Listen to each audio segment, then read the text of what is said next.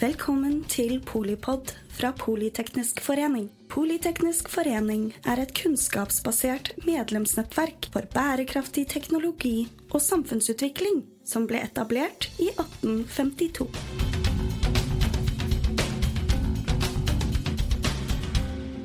Hei og hjertelig velkommen til en ny episode av Polipod, hvor vi denne gangen snakker om karbonfangst og -lagring. I dag skal vi utforske spørsmålet om hva karbonfangst og -lagring egentlig innebærer, og ikke minst hvordan vi kan oppnå en rask og sikker utrulling av denne teknologien.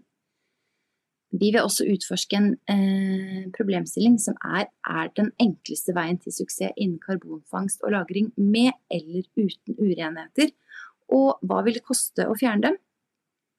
Dette er jo en superviktig diskusjon. Eh, og um, med oss til å forklare dette, så har vi med oss Ingeborg Troy Røe, som er forsker eh, i Sintef Energi. Og vi har Imran Abdul Majid, som er teknisk eh, leder i Northern Lights. Så Ingeborg og Imran, hva er karbonfangst, transport og lagring? Kan dere forklare meg litt om hva det er? Ja, så eh, Karbonfangst eh, og -lagring det handler om å hente ut CO2 fra lufta og så lagre det permanent en plass. Du kan tenke deg at det er litt som å støvsuge lufta for eh, CO2, eh, mm. som vi sier.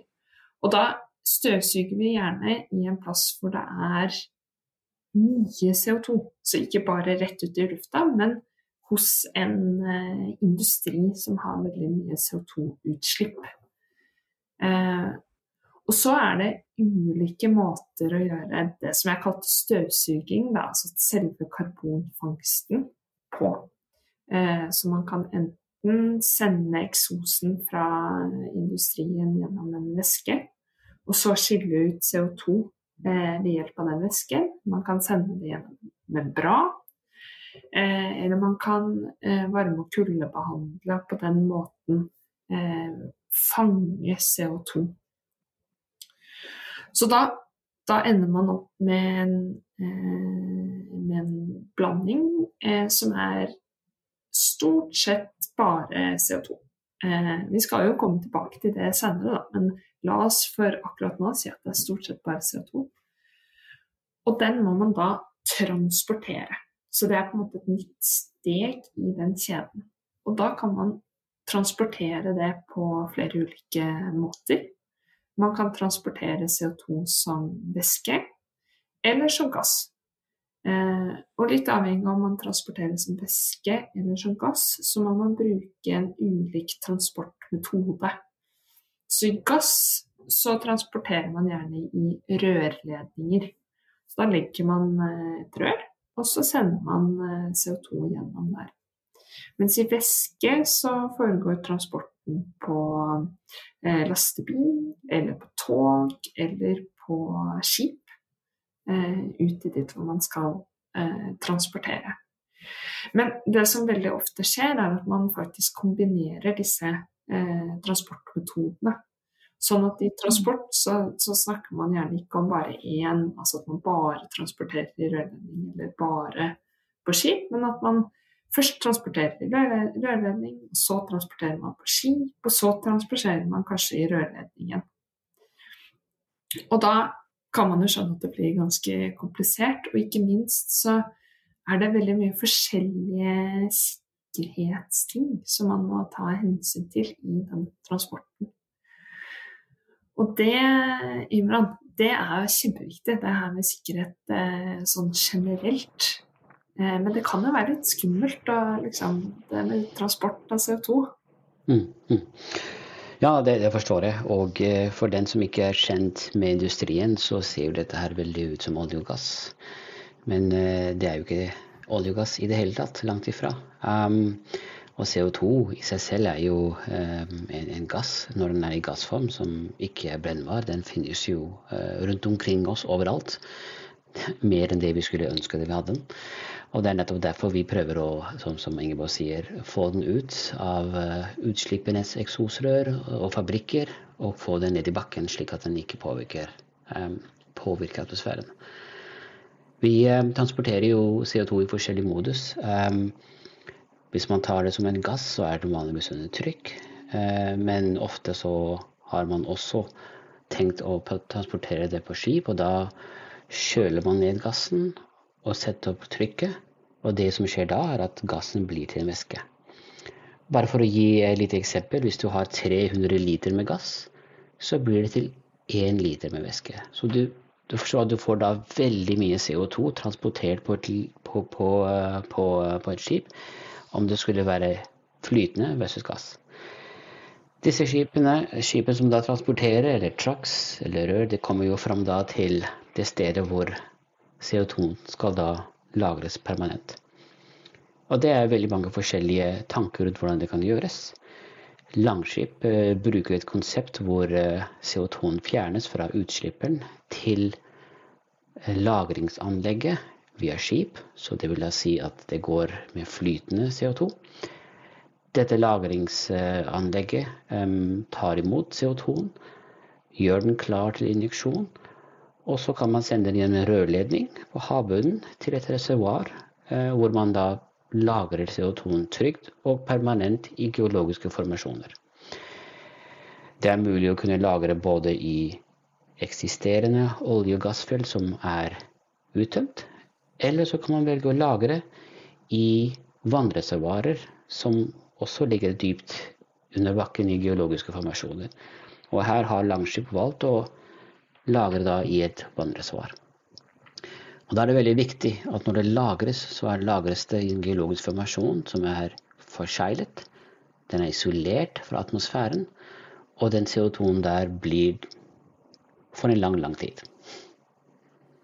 Og her nevnte du eh, noe som er kanskje litt viktig å poengtere også, for de som ikke kjenner til området så. Det er dette prosjektet Langskip, som er et prosjekt som er startet i Norge, hvor man ser på hele denne verdikjeden og hvordan vi skal kunne gjøre alle disse tre stegene, altså karbonfangst, eh, transport og lagring, sammen.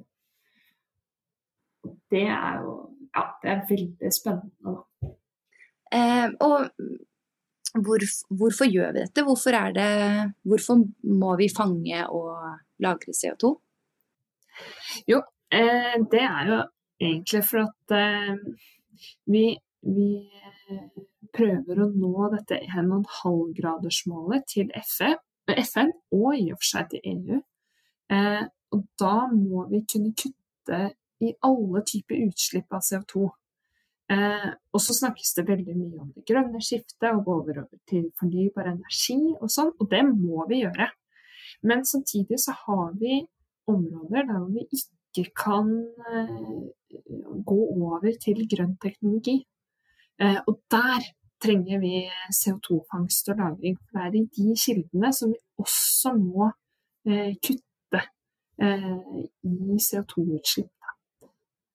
Så det handler rett og slett om å, om å kutte over, over, hele linjen av utslipp som vi, som vi, har i dag. Ok, jeg skjønner. Men eh, hvor, hvor, er det vi kan, eh, hvor er det vi kan fange CO2, og hvor er det vi må fange CO2? Imran? Vi må fange CO2 fra store enkeltpunkt CO2-kilder. Det vil jeg si, sånn som Ingeborg nevnte tidligere, det er fabrikker som lager essensielle varer for samfunnet som, som trengs, som slir ut mye CO2 til atmosfæren. Det kan være sementfabrikker, aluminiumfabrikker, eh, det kan være søppelforbrenning for å lage energi og varmt vann. Og disse utslippene som går rett ut i atmosfæren, kan vi fange, transportere og permanent lagre for og fjerne dem fra atmosfæren. Det høres jo veldig, veldig bra ut. Er det noen eh, utfordring knyttet til eh, fangsten og transporten og lagring? Ja, så når man eh, fanger CO2 fra disse her eh, store industriene, så er det ikke bare CO2 i den eksosen. Eh, og det er Man får med seg veldig mange andre komponenter og det er dette vi kaller urenheter. Og akkurat nå så snakkes det mye om disse urenhetene eh, fordi at eh, ja, de kan være skadelige for eh, prosessen. Eh, så der er Ja, Imran, eh, kan ikke du eh, legge til litt på det her? For det, det her med de skadelige urenhetene det er en, en stor, et stort emne eh, om dagen. Absolutt. Og der selvfølgelig kommer vi inn på en rekke aspekter. Karbonfangst har eh, foregått en god stund. Karbonlagring har foregått en god stund. Karbontransport også. Men det vi gjør her, er å ta disse forskjellige erfaringene vi har fra forskjellige deler av verdikjeden, som har blitt brukt til forskjellige formål, sette dem sammen i en ny verdikjede og bevise at det faktisk er mulig å kunne kommersielt fange, transportere og permanent lagre CO2-en, slik at vi har en, en forretningsmodell.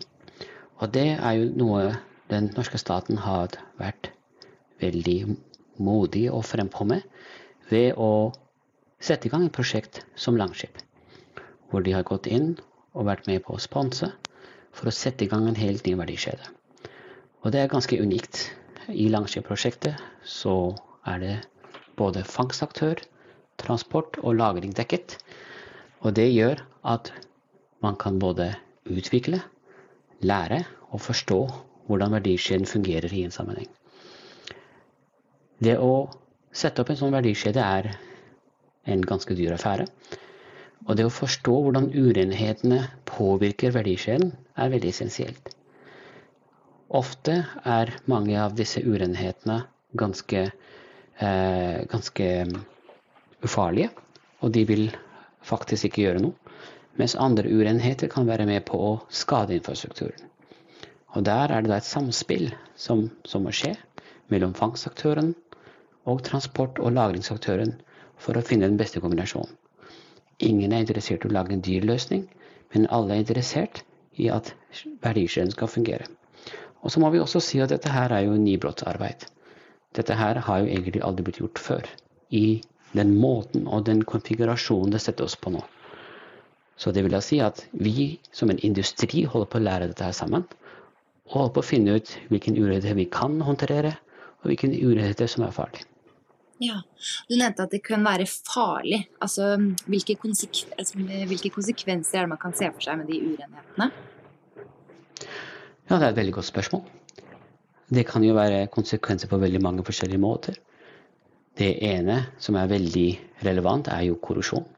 Er det noen komponenter eller urenheter som er en del av eksos per i dag, som faktisk kan reagere med andre komponenter og danne korrosiv eh, væske og være med på å korrodere infrastrukturen. Så kan det være komponenter som kan reagere med andre komponenter og felle ut som solide partikler. Og begynne å plugge igjen prosess, rørledning, reservoar osv. Jeg tror hovedpunktet her er følgende. Alle vil få verdikjeden til å fungere, men vi har egentlig veldig liten innsikt i hvordan hele dynamikken vil fungere sammen. Og det er derfor eh, Langskip-prosjektet er der for å prøve å svare på noen, av disse spørsmålene. For å se hva som fungerer, hva er det man kan tillate, og hvilke deler av urenheten er det som må håndteres på en spesiell måte. Teknisk sett så kan alt håndteres, men det er snakk om en pris. Og den prisen bør ikke være såpass høy at selve verdikjeden ikke kommer i gang. Nei, jeg skjønner.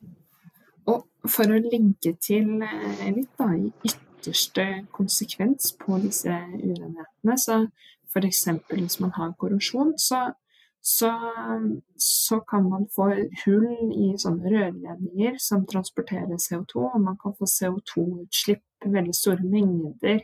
Og det er denne typen konsekvenser som man må hindre.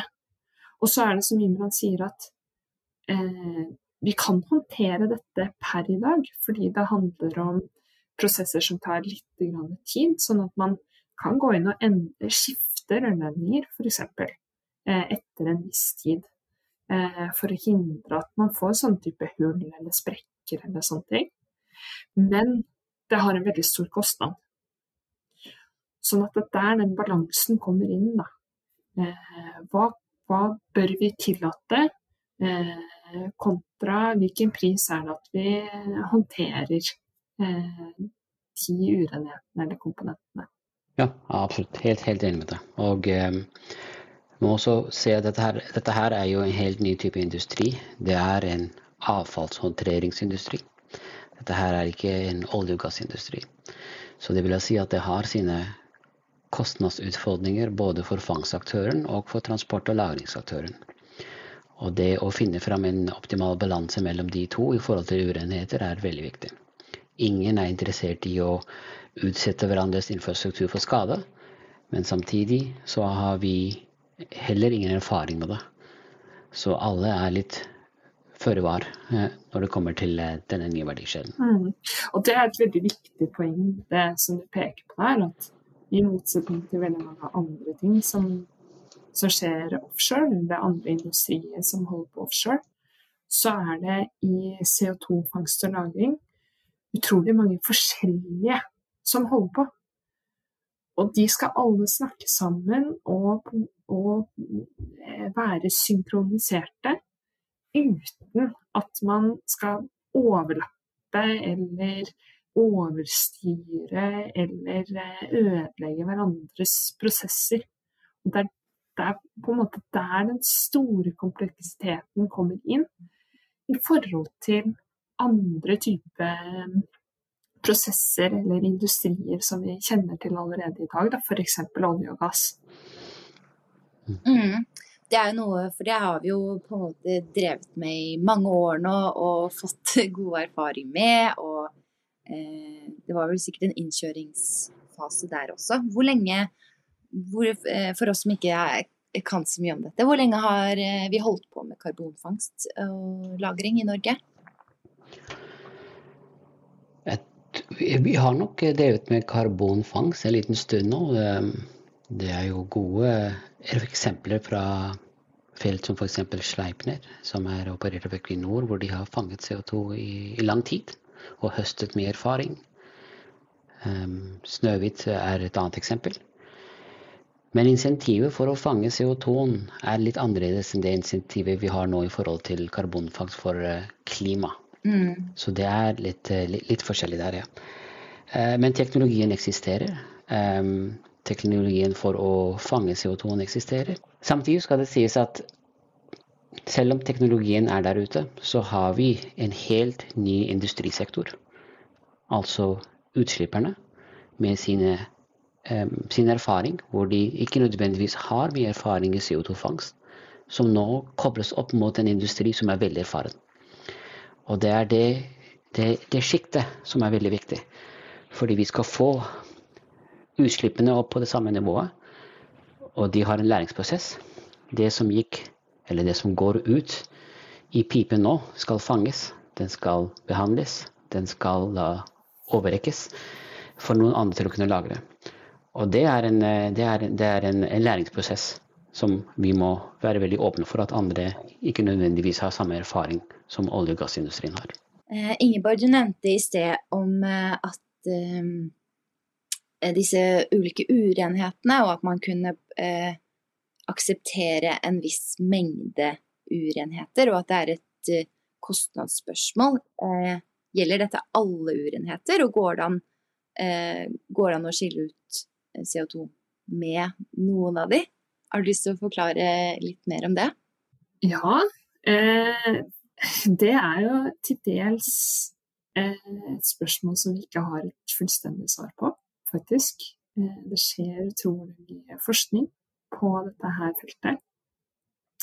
Men vi veit jo at det finnes urenheter som, som ikke er skadelige i seg selv.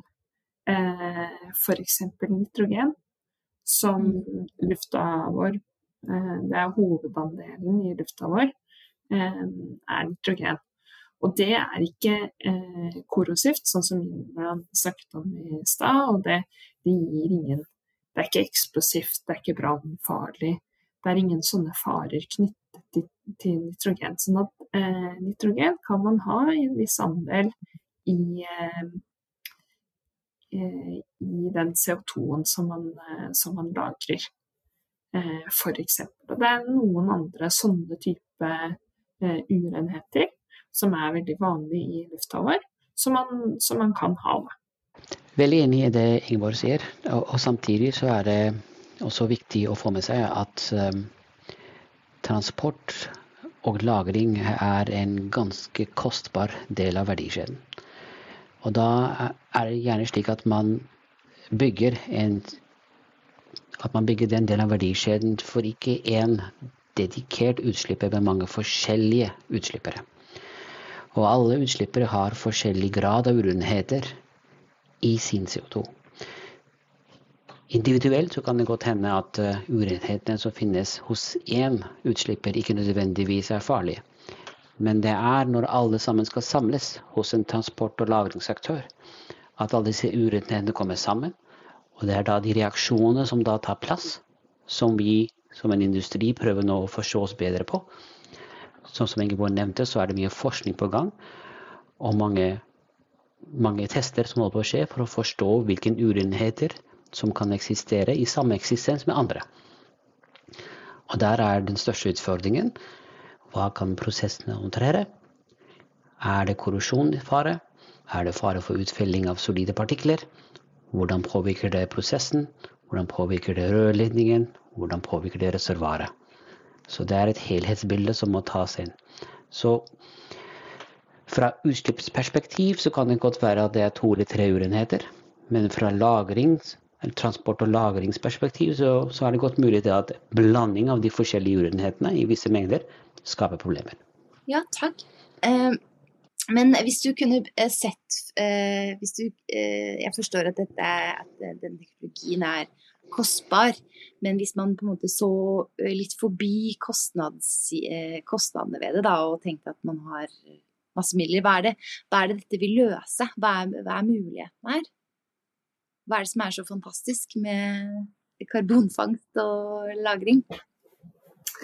Det er jo nettopp det at, eh, at vi kan redusere eh, utslipp i de områdene som, eh, som vi ellers ikke egentlig kunne redusert utslipp på, da, eller hos.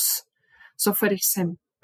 i metallproduksjon, det vet vi jo at vi kommer til å trenge også i framtida.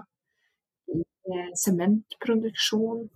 Eh, altså dette her er essensielle eh, industrier, og det er industrier som slipper ut en helt enorm mengde med CO2. Og vi er helt nødt for å redusere utslipp. Og det, det er det da, som er så utrolig viktig med denne teknologien. Og så er det i tillegg en teknologi som Det er litt viktig å få med seg at vi har jo denne teknologien. Vi har mulighet til å fange CO2. Det er ganske eh, eh, utviklet, eh, denne teknologien. Sånn at, sånn at eh, det handler om å på en måte bringe det sammen og finne ut av hvordan skal vi koble en utslipper med en transport eller en transportør med en lagrer. Eh, og, og, på en måte få det her, hele dette systemet til å fungere. Da. Det er en stor utfordring, som vi jo har prøvd å si noe om. Eh, men også veldig, veldig spennende. Da. Ja, det virker som vi har veldig dyktige folk på saken. Eh, tusen takk for at eh, dere bidro til å belyse dette temaet. Det er jo ingen tvil om at dette er superviktig for eh, fremtiden. Så tusen takk til deg, Ingeborg Troy Rød eh, fra Sintef Energi, og Imran Abdul Majid. Tusen hjertelig takk for at dere ble med i Polipod. Tusen takk for at vi fikk lov til å være med. Takk for oss. Og tusen takk til deg som har lyttet til episoden. Og vil du høre flere episoder, så er det bare å abonnere på Polipod, der du vanligvis lytter til podkaster, og følge oss i sosiale medier. Tusen takk. Takk for at du lyttet til Polipod fra Politeknisk forening. Få med deg flere episoder, eller bli med på nettverksmøtene, som du finner ved å søke at polyteknisk, eller gå på vår hjemmeside polyteknisk.no.